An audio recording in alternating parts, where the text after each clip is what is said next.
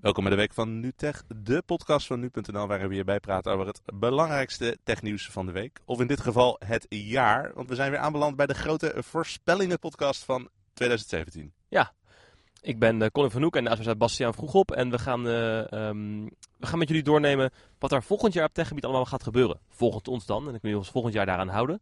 Ja, het is een beetje traditie inmiddels bij ons. Geloof ik de vierde keer dat we dit doen. Denk het, ja. Dus het idee is, uh, we, we, gaan kijken wat we voor volgend jaar voorspellen. En we gaan ook terugblikken op de voorspellingen die we vorig jaar hebben gemaakt. Van wat is er uitgekomen, wat is niet uitgekomen. Ja. Laten we dan meteen maar bij jou beginnen, Colin. Want jij voorspelde vorig jaar... Ja. Dat, uh, het, was, het was zelfs een herhaalvoorspelling. Ja, dus er ja, zaten wel extra veel uh, strafpunten op als je het fout hebt. Mm -hmm. Jij voorspelde dat techbedrijf HTC failliet zou gaan. Of verkocht zou worden.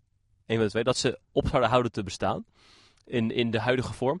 Um, en ze zijn zeker niet failliet gegaan. Het ging natuurlijk heel slecht met HTC. Het gaat al niet echt top. Mm -hmm. um, ik wil toch willen zeggen dat ik deels gelijk heb gekregen. Ik weet dat mensen het er niet mee eens zijn. We hebben een tijdje ook gedacht dat je gelijk ging krijgen. Ja, ja, ja. Want de geruchten waren er voor een vrij lange tijd dat het inderdaad voorbij was. En uh, dat er allemaal deeltjes gesmeed werden. Maar uiteindelijk Toen kwamen er... er geruchten dat Google ze zou gaan overnemen. Helemaal. Dat is eigenlijk niet gebeurd. Maar Google heeft wel medewerkers gekocht.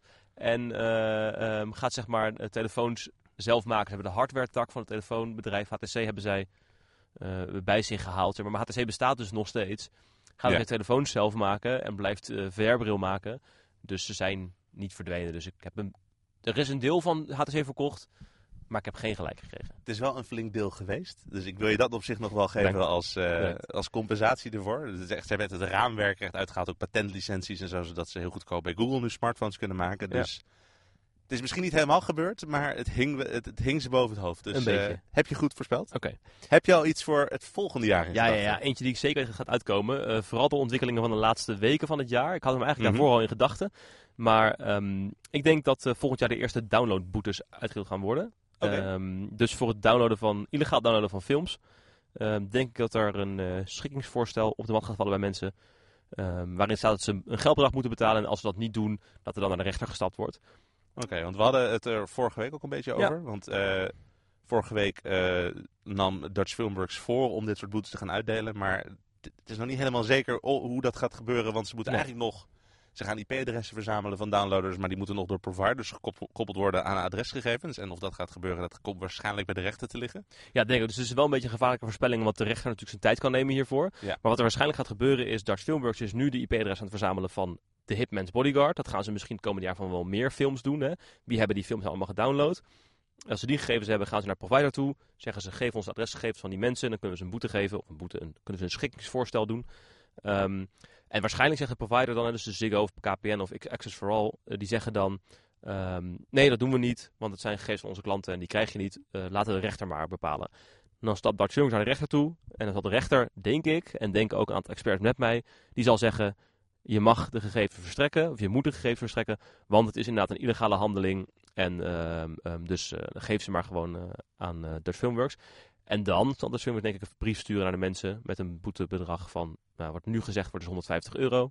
Ja. Um, en ik denk dus dat dat volgend jaar gaat gebeuren. De enige risico is nog dat misschien de rechter er langer over doet dan een jaar om deze zaak helemaal te beslechten. Uh, en als er hoger beroep wordt aangetekend en dat soort dingen, het kan lang duren, maar ik heb er wel vertrouwen in dat uh, mensen beboet tussen aanhalingstekens gaan worden. Ja, het is een uh, voorspelling die trouwens eerder in deze podcast is voorbij gekomen, ja. maar niet van jouw hand. Thomas Nee. Moerman heeft het ooit nog beweerd. Twee jaar en, geleden, uh, ja. Kennelijk was hij er te vroeg bij op dat punt. Weilen En, uh, Thomas Moerman. Ik denk, ik, ja, ik, ik denk, ik zie het misschien wel gebeuren, maar over een jaar hebben we het er weer over.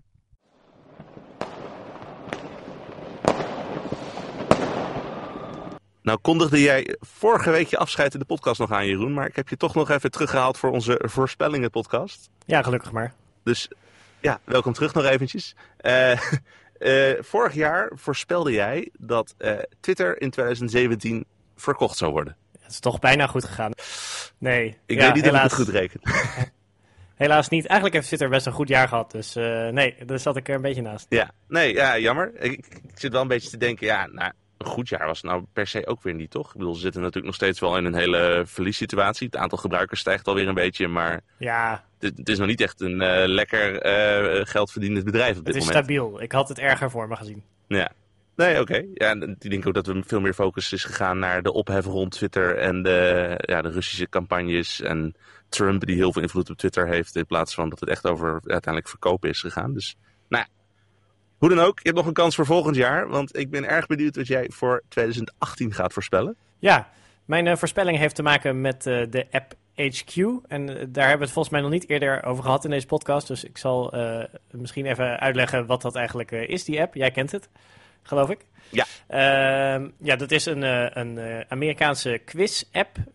en die, ja, dat is eigenlijk een soort van live quizprogramma. Het is een soort van televisieprogramma. Twee keer per dag kan je het spelen. Dus als je de app nu, uh, het is nu ochtends, als je de app nu zou openen, dan gebeurt er niks. Dan heb je gewoon alleen een menu. Uh, maar twee keer uh, per dag kan je live een quiz spelen met een echte presentator. En dan speel je nou ja, nu al met honderdduizenden mensen tegelijk, want het is best wel snel populair geworden. Um, en het is eigenlijk een hele nieuwe manier van ehm, ja, een heel nieuw soort app die we eigenlijk nog niet uh, eerder kenden. Je, je had natuurlijk altijd uh, al wel quiz-apps die je gewoon op elk moment zelf kon spelen. Maar dit is echt alsof je. Het is eigenlijk een beetje alsof je in het publiek zit bij een, een, uh, een soort van 1 tegen 100-achtig programma waar je echt iets kan winnen ook. Je kan ook echt geld winnen. En ik, ik, mijn voorspelling is niet alleen dat die app het heel goed gaat doen, want dat, dat doet hij dit jaar al. Maar mijn voorspelling is eigenlijk dat dit een, een eerste is in een golf van vergelijkbare apps die uh, een soort van live ervaring. Ugh, dat is, ik hou niet zo van dat woord. Maar die een soort live ervaring zullen bieden. Waar je dus massaal over de hele wereld in één keer ingaat. Waar misschien dus die app wel het grootste deel van de dag helemaal niks doet. Um, maar omdat het echt zo op één specifiek moment gebeurt. Hè, dus HQ is alleen in Nederlandse tijd 9 uur s avonds en 3 uur s'nachts te spelen. En omdat het op die specifieke tijden is, uh, ja, moet je er dus echt op die tijd voor gaan zitten. En gaat het denk ik echt heel nadrukkelijk, nog meer nadrukkelijk dan uh, apps eerder al deden, concurreren met televisie. Want ja, we hebben natuurlijk al wel gezien dat Netflix uh, een beetje een marktaandeel van normale tv afsnoept. maar ja, Netflix kan je altijd kijken, maakt niet uit. Dus als er een voetbalwedstrijd op is, dan zullen veel mensen toch nog zoiets hebben van... ik zet liever de tv aan, want dat is nu live, dat moet ik nu zien. Mm -hmm. uh, en ik denk dat je hier echt begint te zien dat apps ook op die manier gaan concurreren met tv. Omdat er ook, dus denk ik, meer apps komen die zo op een vast moment uh, uh, spannend worden, zeg maar. dus dat is denk ik voor de tv-industrie wel iets om in de gaten te houden.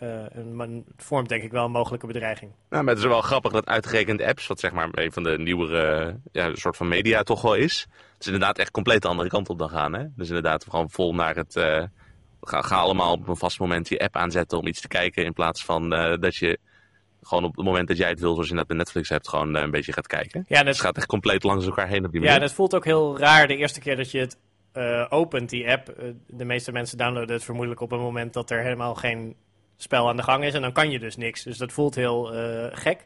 Maar als je dan eenmaal een keer inlogt op het juiste moment, dan merk je wel dat het gewoon heel erg. Het is, ja, dat het gewoon heel leuk is. Het is technisch ook een heel uh, indrukwekkend uh, spel waarbij je niet alleen die video moet live naar 200, 300.000 mensen worden gestuurd, maar je moet ook meteen kunnen antwoorden op die vragen. En de host moet meteen kunnen zien hoeveel mensen de vraag goed hadden. Nou ja, volgens mij is die technische infrastructuur daarachter best wel ingewikkeld. Dus ik, ik denk ook niet dat het heel makkelijk is uh, om het uh, te kopiëren. Maar er zullen ongetwijfeld allerlei mensen zijn die nu denken van... nou, ik heb wel een eigen conceptje wat uh, op een vergelijkbare manier werkt. Ja, ik hoop persoonlijk heel erg dat iemand in Nederland dit gaat stelen. Want ik vind, ja, we, we spelen samen al geregeld HQ om 9 uur s avonds. Nou, dat het tijdstip van 3 uur s'nachts is vervelend.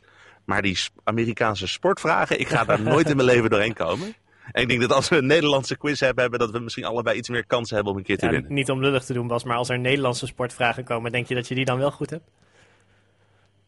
Ik, uh, ja, daar zeg je wat. Oké. Maar uh, ik ben okay, helemaal voor. Uh, ik zou zeggen, als er iemand luistert die dat een leuk idee lijkt, maak een Nederlandse HQ. Ik, ik doe mee. Oké. Okay. Hey, dankjewel Jeroen.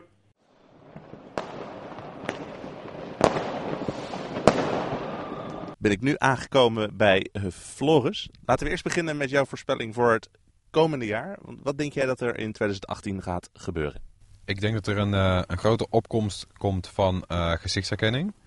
We hebben het nu gezien in de iPhone 10. En ondanks dat Apple toch altijd soort van volgens de ja, critici achter de feiten aanloopt, weten zij, nou ja, nieuwe technologie toch zodanig te verpakken dat ze echt wel aanslaan. Mm -hmm. ik denk dat dat met gezichtsherkenning ook best wel eens zou kunnen gebeuren. Dat de voordelen uh, op, op gebied van veiligheid en gemak eh, dankzij die iPhone 10 duidelijk worden. En dat, nou ja, het is dan toch altijd zo dat, dat Android-fabrikanten eh, er dan toch nogmaals opduiken of voor het eerst opduiken. Eh, ik denk dat dat nu ook gaat gebeuren, maar dan eh, met het voortekenend voor Android toch ook wel hier en daar een, een, een veiligheidslekje. Oké. Eh, Ik zit even na te denken, want we hebben... Je hebt natuurlijk in het verleden telefoons als de S8 hadden op zich wel een vorm van gezichtsherkenning. Die werkte Ja. dan vaak in donkere zo niet. Maar Apple Precies. is de eerste die eentje heeft die in iedere lichtomstandigheid werkt. En ik Mhm. geloof dat eh, Huawei inmiddels ook al een kopie van de Face ID-scanner die Apple gebruikt heeft laten zien. zoiets, ja. Dus jij denkt dat we dat nu veel meer gaan zien, maar dus dat er ook dingen kunnen misgaan. Ja, ik denk dat eh, eh, nou ja, de manier waarop Apple het heeft toegepast is met, eh, met zo'n losse veiligheidsenclave waar dan alles in bewaard wordt en alles heel erg met de nadruk op veiligheid. Ja. Nou ja, veel andere eh, fabrikanten gebruiken Android en nou ja, daar gebeurt het toch net iets te vaak dat er toch weer een, een lekje hier of daar is. Dat, dat iemand vergeet om bijvoorbeeld wachtwoorden of vingerafdrukken versleuteld op te slaan. En ik denk dat dat hier, nou ja, nog, nog stukken gevaarlijker zou kunnen zijn. Eh, Ja, want ik zit inderdaad te denken, je kan, eh, er zijn natuurlijk al een hoop wachtwoorden in de afgelopen jaren gelekt. Ja. En dan is het beveiligingsadvies altijd van, oh jee, je wachtwoord ligt op straat. Verander je wachtwoord eh, misschien op andere websites die je bezoekt. precies. Maar bij je gezicht gaat dat inderdaad dus niet zomaar gebeuren. Nee, als je gezicht, eh, eh, weet je, als een hele gedetailleerde scan van je gezicht in 3D eh, gemaakt in infrarood uitlekt, dat is dit niet handig. Eh, weet je, dan is de vraag in hoeverre het makkelijk is om dat te misbruiken, maar dit, dat is geen fijn idee als dat op straat komt te liggen. Ja, want we hebben inderdaad het afgelopen jaar geloof ik wel eh, onderzoekers gezien die hebben geprobeerd eh, gezichtsherkenning te omzeilen. Ja. Ik geloof dat er nu iets met een infrarood scan toevallig net met camera's in de Windows laptops is. Maar het zijn altijd een beetje Precies. theoretische toepassingen. Het is een heleboel moeite inderdaad. Het zijn dan, nou ja, weet je, de, de konden tweelingen konden bijvoorbeeld langs die Face ID komen. Eh, om, nou ja, die lijken ook daadwerkelijk een hoop op elkaar. En Ja. het zou dan ook mogelijk zijn om eh, met een hele realistisch ogende eh, latex pop van jezelf, inclusief gelijkende ogen en nou ja, allemaal mits en maren zou het mogelijk zijn om zo'n telefoon open te doen. Eh, Ja, maar de kans dat een cybercrimineel een, eh, naar een 3D-printer gaat en al zijn gestolen gezichten gaat Precies. printen om eh, proberen telefoons eh, Het is- te is ontgrendelen, is natuurlijk niet heel groot. Het is een beetje niveau eh, eh, Mission Impossible. Eh, maar goed, eh, eh, weet je, het is toch eh, geen fijn idee mocht, mocht, mocht inderdaad zo'n database met gezichtsdata uitlekken. Eh, Nou ja, op de lange termijn, ik bedoel, nu kan er natuurlijk nog niet zoveel mee, maar over vijf of tien jaar weet je het natuurlijk niet. En, Ja, en eh, niet, ja, niet ieder gezicht verandert in de komende jaren nog heel veel. nee, dat, dat, dat blijft permanent. En het is in principe ook juist de, de, de aantrekkingskracht van, van het unlocken met zo'n eh, ja, met, met zo'n gezichtsherkenning. Dat die, dat die gewoon met je meeleert, met je meegroeit. Of je nou, eh, Ja. Ja, of je nou een bril draagt of een pet, het, het gaat open. Maar daar moeten we wel voorzichtig mee zijn. Ja, en om even te kijken naar je voorspelling van afgelopen jaar. Ja. Eh, jij beweerde vorig jaar dat in 2017 eh, de ja, inmiddels Amerikaanse president Donald Trump een oorlog zou verklaren via Twitter. Ja. Is dat uitgekomen, denk je? Eh, nee, maar wel bijna. Want zijn, zijn tweets die zijn, nou ja, de, de hoop was er destijds nog dat hij zich, maar dat was natuurlijk de vorige podcast hebben we opgenomen vlak voordat hij werd beëdigd. Ehm, en toen was nog de vraag, zal hij zich als president op Twitter presidentiëler gaan gedragen?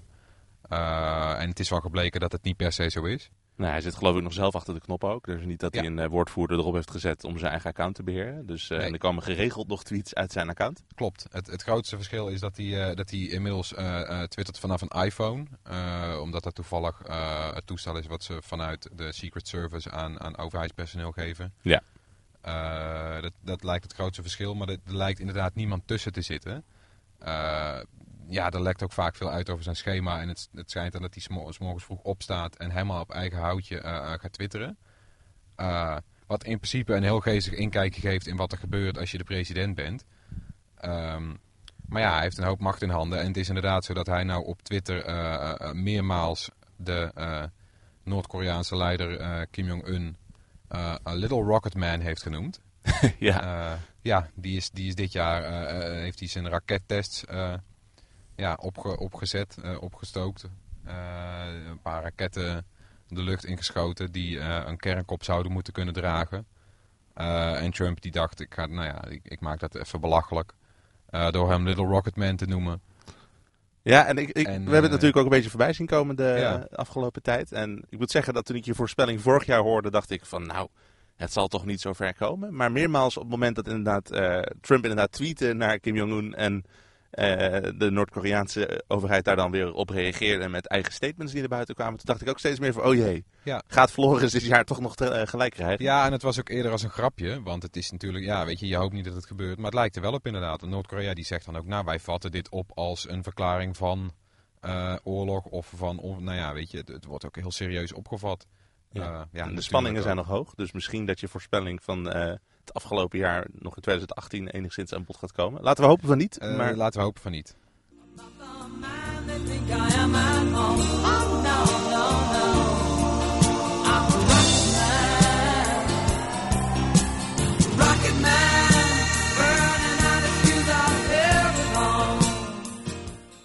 En dan nu de beurt aan Eveline. Je hebt geen voorspelling van vorig jaar om te verdedigen, want je bent er nu nou, een paar maanden inmiddels alweer. Een half jaar bijna Een half jaar zel- zelfs al. Het gaat allemaal snel. was het dus. Maar je kunt wel een voorspelling maken voor het volgende jaar. Dus schiet maar raak. Eh, ik denk dat volgend jaar dat we hele grote stappen gaan zien op het gebied van eh, spraakherkenning. Eh, spraakherkenning als in wat je ziet bij de Siri, wat je ziet bij de HomePod straks, bij de Google Home. Ik denk dat het een heel stuk beter gaat worden. Er wordt nu heel hard aan gewerkt. En eh, volgend jaar worden naar verwachting meer van dat soort eh, smart home apparaten verkocht. En dan gaat de concurrentie echt losbarsten. In ieder geval de competitie tussen concurrentie. Dus dan moeten ze wel beter worden dan de rest. Maar is het dan een kwestie van gaan ze dan natuurlijker klinken of gaan ze beter begrijpen wat we zeggen? Ik denk voornamelijk dat het eh voor ons nog gaat om beter begrijpen wat we zeggen. Ik bedoel, de computerstemmen zijn we wel redelijk aan gewend geraakt. Maar je weet ook bij Alexa bijvoorbeeld, die verstaat je gewoon niet altijd goed. Nee, precies. Ik heb dat ook heel vaak bij Siri, moet ik zeggen. En we zijn natuurlijk op punten dat eh, uitspraken zoals Hey Siri eh, op totaal willekeurige momenten worden geactiveerd. Precies, dus naar mijn verwachting wordt daar, worden daar volgend jaar juist grote sprongen in gemaakt om te zorgen dat ze je nog beter gaan verstaan. En dat, je daardoor, dat er daar dus gewoon minder fouten worden gemaakt, dus fijner worden in gebruik. Wie wie denk je dat de grote winnaar gaat worden in de strijd om de slimme speakers met stemassistenten? Eh, het is volgens nog lastig. Er waren laatst wat cijfers, eh, voor, in ieder geval een, een, een verwachting. Ehm, dan hadden ze verwacht dat Amazon, Alexa, dat, eh, Amazon Echo nu drie keer meer is verkocht dan de Google Home. Mhm. Ik denk alleen wel dat de Google Home voorlopig nog wel even achter gaat blijven, omdat hij niet overal beschikbaar is. En Amazon Alexa en Echo beginnen nu steeds verder uit te breiden. En Ja. is het verder nog even de verwachting waar de HomePod straks precies gaat komen. Die heeft volgend jaar zijn eerste jaar. Dus die, Ja, eh, dat is de HomePod inderdaad van Apple. Die zou dit jaar uitkomen. Die is dus eh, uitgesteld op het laatste moment. klopt. En ik zit te denken, ja, de Amazon Echo is dus sinds kort in Nederland eh, verkrijgbaar. Ja. In, ik geloof wel een beperkte variant waarbij Spotify het zelfs niet zou doen. Dus ik weet niet hoe populair dat gaat worden. Precies, maar je ziet in ieder geval wel dat die nu steeds verder uit gaan breiden. En de Google Home, ja nou, de, de, de eerste Google telefoon is hier nog niet eens verkrijgbaar. Laat staan de Nee. Google Home. Die moet nog komen. Eh, de HomePod, ja nou laten we hopen dat die verder komt dan alleen de Verenigde Staten. Maar Ja. de, de- Amazon is nu de enige die echt aan het uitbreiden is naar andere landen waar er steeds meer beschikbaar wordt. En dat de rest blijft er nog vooralsnog een beetje in achter. Dus het kan zijn dat wereldwijd dat Amazon het nog wel even gaat winnen. Ja, we gaan, eh, we gaan zien of het de rest lukt om ze in te halen of dat het zo blijft. Dankjewel.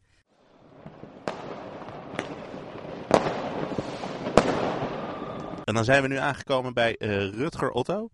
Jij was er vorig jaar niet, dus je hebt vorig jaar geen voorspelling gedaan over wat er allemaal in 2017 zou gebeuren. Maar je hebt vast een idee wat er in 2018 gaat gebeuren. Ja, nou ik hoop dat ik... Het lijkt misschien een inkoppertje, hè, maar Mhm. we zitten er al wel jarenlang op te wachten. En ik denk dat 2018 het jaar wordt dat het gaat gebeuren, Bas.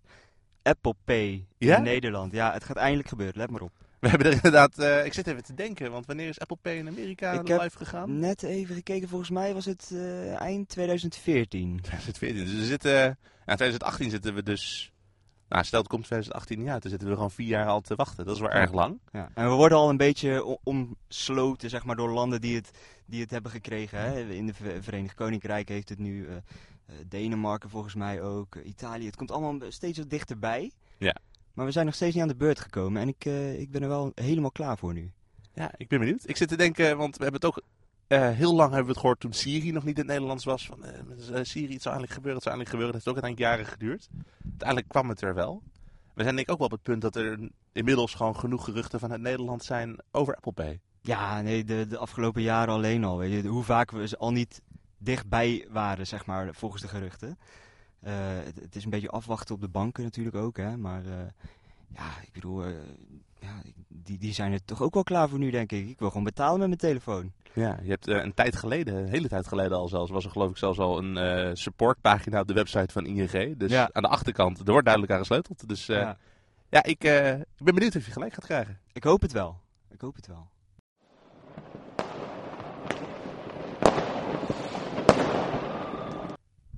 Zijn we nu aangekomen bij Marcel. Ja, ja, vorig jaar had je geen voorspelling, maar Klopt. je hebt vast een idee wat er in 2018 gaat gebeuren. Ja, ik denk dus dat volgend jaar het jaar gaat worden dat eh, de sociale netwerken ehm, de rekening krijgen voor ja, eigenlijk alle praktijken waarvan nu al in de afgelopen tijd zeg maar, duidelijk wordt van oké, wat jullie gedaan hebben en of dat nou iets is van YouTube dat kindervideo's eigenlijk gewoon standaard toestaat waarbij er hele dubieuze content op het platform terecht is gekomen of Facebook dat eigenlijk pas achteraf beseft van oké, er hebben heel veel. ehm, er zijn heel veel advertenties geweest tijdens de Amerikaanse presidentsverkiezingen. ehm, over, die eigenlijk bedoeld zijn om eh, de- ja, het politieke landschap te polariseren. ehm, dat ze nu eigenlijk achteraf steeds zeggen sorry. Ja. Zo van sorry, oeps, dat dom van ons, dat gaan we fixen. Eh, ja, sorry, sorry, sorry, sorry. En dat volgend jaar het moment is dat eh, allerlei instanties en waarschijnlijk ook eh, adverteerders en ehm, ja, je ziet al regeringen van andere landen, en ook in Nederland, dat die eigenlijk gaan zeggen van oké jongens, ja, dit is niet meer houdbaar, dit, het werkt niet om steeds sorry te zeggen achteraf. Jullie hebben proactieve maatregelen nodig, jullie moeten hier echt beter aan gaan werken, want dit. Dit kan gewoon niet. En dat klinkt heel erg als een ouder die zegt van hey, dat mag niet en nu, nu, is, nu, nu is het klaar. Alleen, ik denk dat het daar effectief wel op neer gaat komen. Ja, ik zit even te denken, want we hebben dit jaar ehm, het hele gebeuren rondom eh, nepnieuws rond Amerikaanse verkiezingen. Zijn er wel een aantal techbedrijven, nou, ik geloof vooral eh, ja, dus Facebook en Twitter eigenlijk, zijn eh, naar, wel naar, naar het Amerikaanse congres geweest om zichzelf te verklaren. Ja. En sindsdien hebben we inderdaad die transparantierapporten. Maar denk je dat dan zo'n Amerikaans congres gaat ingrijpen? Of gaan toezichthouders dat doen? En hoe, hoe, denk, je dat, hoe denk je dat het eh, gaat beginnen voor die bedrijven? Mm, ja, ik, ik, ik- je ziet nu al natuurlijk met kijk, al die langlopende onderzoeken naar ehm, eh, ja, machtsmisbruik door bijvoorbeeld de Europese Commissie. En dat is natuurlijk al jaren aan de gang. Ehm, maar ik denk dat je nu inderdaad gewoon meer vanuit de, de, de politiek ook gewoon eh, meer vragen daarna gaat zien van hoe, hoe, hoe kan dit? Omdat het steeds, dit komt vanuit veel, meer, veel steeds meer partijen zeg maar die... eh, die verontwaardiging van hoe heeft dit dan kunnen gebeuren? En het is niet langer meer van, ja, het is allemaal nieuw dat social media, dus wij doen ook maar iets. En we komen er nu achter dat het eigenlijk ehm, ja, veel groter is eh, dan we eigenlijk zelf kunnen behappen. Het is Ehm, natuurlijk, eh, we hebben het natuurlijk in zekere vorm dit jaar natuurlijk met Uber heel erg gezien. Ja, Die zijn inderdaad bij schandaal na schandaal verwikkeld. En er zijn ook toezichthouders die zijn nu inderdaad eh, aan het reageren op onderzoeken naar al die schandalen. En eh, da- daar begint het ook langzaam een beetje vorm te krijgen. Dus denk je dat de Facebook en Twitter misschien de Uber van 2018 gaan worden? ja, ja een beetje wel. Ehm, Uber is natuurlijk een bedrijf waarvan je iedere keer denkt, kan het nog erger qua schandalen? En het antwoord is tot dusver steeds geweest, ja, het kan, het kan nog erger. Alleen ik denk zeker niet dat Uber daarin uniek is. Ik denk eerder dat er, ja, de, de, Uber is natuurlijk de industrie waar Uber in actief was, die heeft veel harder terug, eh, ehm, hoe zeg je dat, teruggebokst of, of wat dan ook, waardoor deze dingen eerder aan het licht kwamen. En ik denk dat dat bij ja, iets minder, ehm, eh, hoe zeg je dat, directe gebieden, zoals inderdaad gewoon een, Facebook of een Twitter of wat dan ook, dat het wat langzamer duurt, maar dat het zeker gaat komen. Ja, ik zit te denken dat bij eh, Google, eh, specifiek in Europa, zie je natuurlijk al een beetje de bewegingen van de Europese Unie. Die kijkt naar on- oneerlijke concurrentie. Dus bijvoorbeeld recent met eh, Google Shopping, wat eh, oneerlijk zou zijn tegenover andere prijsvergelijkers. Dus het begint bij ons inderdaad al, al een beetje te spelen. Maar inderdaad, eh, de praktische gevolgen van de schandalen met nepnieuws en rare video-links in eh, kindervideo's en zo, die moeten inderdaad nog komen. Dus eh, ja, ik ben benieuwd. Eh, We gaan- zien of de Twitter-CEO het jaar wel gaat overleven dan.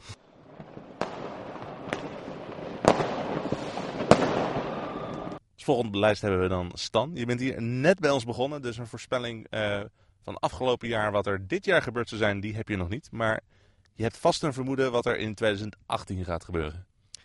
Ja, ehm, ik denk dat er een eh, cryptovaluta, eh, een andere dan de bitcoin, meer... Oh, wacht, dat moet ik even opnieuw doen. Dat is goed. Eh, ja, ik denk dat een andere cryptovaluta dan de bitcoin de meest waardevolle cryptovaluta wordt.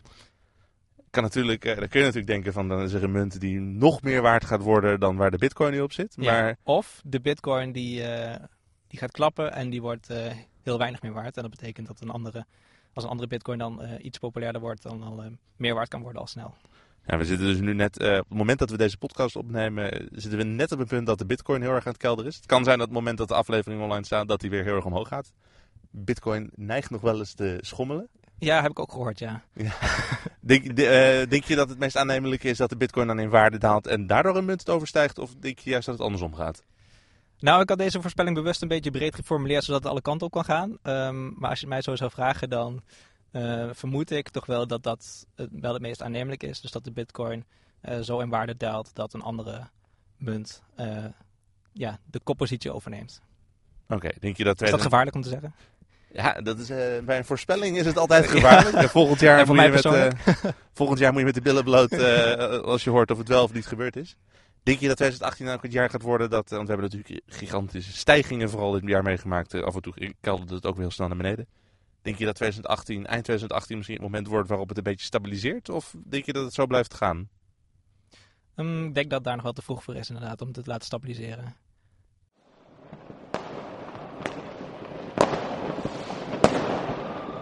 Dan hebben we eh, Wesley. Jij bent inmiddels al een tijdje niet meer werkzaam bij ons, want jij zit nu bij Forward Magazine. Maar je hebt vorig jaar wel een voorspelling gedaan. Ja. Namelijk, eh, ja, jouw voorspelling was dat de Nintendo Switch, dus de nieuwe spelcomputer van Nintendo, zou gaan floppen. Ja, Denk je dat het is uitgekomen? nee, ik denk het niet.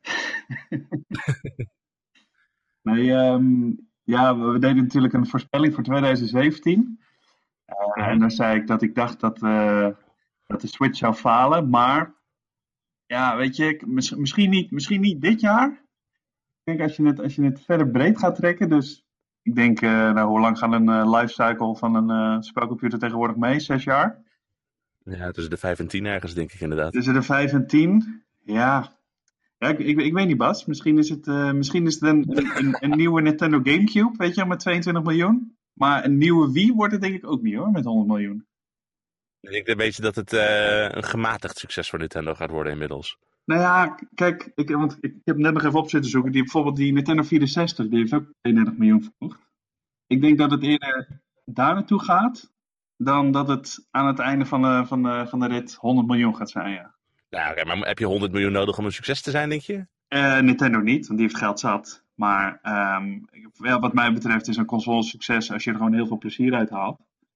Maar voor, Mhm. voor een bedrijf heb je denk ik wel een x aantal units nodig om te kunnen spreken van een succes. Ja. En of dat dan 30 of 100 is, dat, dat is aan Nintendo. Eh, want ik zat, ik, zat, eh, ik zat het nog even op te zoeken, want eh, ik zat zelfs nog even terug te luisteren naar onze vorige podcast toen je die voorspelling maakte. Hmm. Maar toen was er natuurlijk het sentiment om Nintendo natuurlijk totaal anders. Ja, klopt. De. Wii U, die, de Wii U die was net van de markt gehaald, dat werd gezien als een flop. Dat Ja. was 13,6 miljoen keer in totaal verkocht. 13 of 14 miljoen.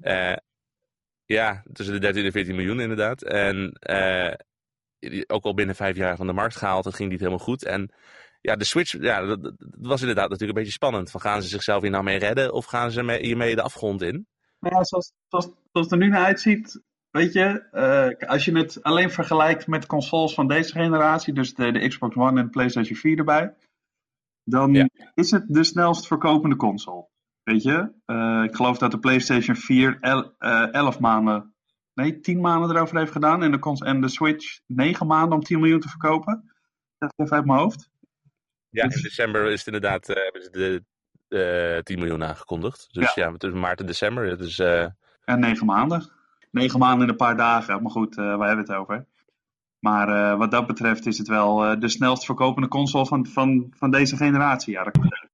Dus samenvattend, het is uiteindelijk eh, niet de flop geweest waar je voor vreesde, maar een, een nieuwe Wii, eh, dat is het nog niet. Nee, ik ben heel blij dat het geen flop is. Dat ben ik serieus. Want ik heb ook zo'n ding en ik wil er gewoon leuke games van spelen natuurlijk. En ja, als het geen flop Mhm. is, dan haal ik ook mijn investering eruit.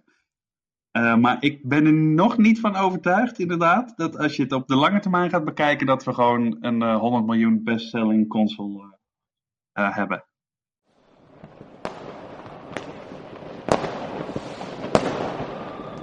Nou Bas, dan zijn we nu bij jou voorspelling jee. aanbeland. Ehm, wat heb je vorig jaar voorspeld eigenlijk? Ik heb vorig jaar voorspeld dat Apple een eh, augmented reality telefoon op de markt ging brengen. En? Ja, toch wel. Het is, de iPhone 10 heet misschien niet de iPhone AR. maar hij heeft wel, denk ik, heel veel van de facetten van zo'n AR-telefoon. Dus ik denk dat ik een beetje gelijk heb gekregen. Wat voor facetten dan? Noem eens wat voorbeelden. Eh, nou, de, de gedachte was natuurlijk dat Apple gewoon een puur beetje doorzichtig glazen scherm zou hebben. Die je als een soort van overlay over de echte wereld kunt houden om daar virtuele objecten te zien. Ja. iPhone 10 heeft natuurlijk zijn randloze ontwerp. Mhm. En ze hebben natuurlijk vorig jaar AR-kit, eh, of dit jaar hebben ze AR-kit uitgebracht. Mhm. Dat is niet alleen voor de nieuwe iPhone, dus oude iPhones kunnen het ook mee gebruiken. Maar dat is dus een software-kit voor augmented reality. Ja. Dus je zou kunnen zeggen dat, ja, ze hebben het misschien niet in één specifieke telefoon ge- ge- ge- gedaan. Maar we hebben wel Apple voor het eerst de grote stap naar AR, AR zien nemen. Laten we concluderen dat inderdaad Apple op het gebied van AR stappen heeft gemaakt. Eh, en dat jij dus, eh, net als ik, deels gelijk had. We hebben wei- weinig eh, harde ja of nee antwoorden in deze voorspellingen podcast. Heb ik Helaas. idee. Maar, toch, wel, ja. wel een, best wel een beetje gelijk heb je. Dankjewel. Heb je voor dit jaar eentje die dan wel echt gaat uitkomen, denk je? Ik, ik hoop het wel. Ik denk, we hebben natuurlijk, eh 2017 was wel echt het jaar van Uber, heb ik het idee. Ja, het niet in de positieve schandaal. zin, maar... Nee, ze hebben zeer veel schandalen geweest. De CEO is opgestapt. Ja. Daar waren weer schandalen over. Eh, inmiddels, eh, recent was er nog een verzwegen hack waar heel veel geld voor betaald was toen die CEO er nog was. Mijn voorspelling is, dat gaat sowieso niet ophouden. En ik denk dat 2018 het jaar wordt waarvoor iemand die bij Uber werkt, en dat bedoel ik niet de chauffeur, maar dus iemand op het hoofdkantoor of op Mhm. een van de buitenlandse kantoren, voor één van die schandalen de cel ingaat. Oh. Of, of nou, laat ik het anders verwoorden, dat hij veroordeeld wordt tot een celstraf. Want er komen natuurlijk weer beroepen bij en dat soort dingen. Ja, en voorwaardelijke straf kan natuurlijk ook nog. ik weet nog niet precies wie het gaat worden, want we hebben natuurlijk wel de zaak tussen Uber en Waymo, Ja. eh, waarbij eh, bedrijfsinformatie eh, zou zijn gestolen. Ja. Dat soort dingen zou ik denken van, dat misschien zit het nog wel in de ernst op het punt dat ze tot een misschien wel korte, ik weet, eh, dat hangt Mhm. een beetje van de rechter af, celstraf over zouden kunnen gaan. Maar er zijn inmiddels zoveel dingen en ik denk dat we in 2018 de conclusie van heel veel van dat soort onderzoeken en rechtszaken allemaal gaan meemaken. Met zoveel moet er haast wel eentje zijn die zo erg is dat ze naar een celstraf grijpen. En gaat Uber dan failliet? Nou, zo snel gaat het nog niet. Oké, dat niet. Die is er volgend jaar dan. Misschien. Nou, dat was het dit jaar voor de Week van Nutech. Eh, wij zijn er in 2018 gewoon weer. Natuurlijk. Eh, vrij snel waarschijnlijk ook van de gadgetbeurs eh, CES. Die Tweede we- week van januari. Tweede week van januari. Dan komt Jeroen Kraan, als het goed is, ook nog eventjes in de podcast terug. Zeker. na zijn korte afwezigheid. Tot die tijd kun je ons bereiken op Twitter, op Facebook. Je kunt ons mailen op tech.nu.nl. En gelukkig nieuwjaar. Gelukkig nieuwjaar.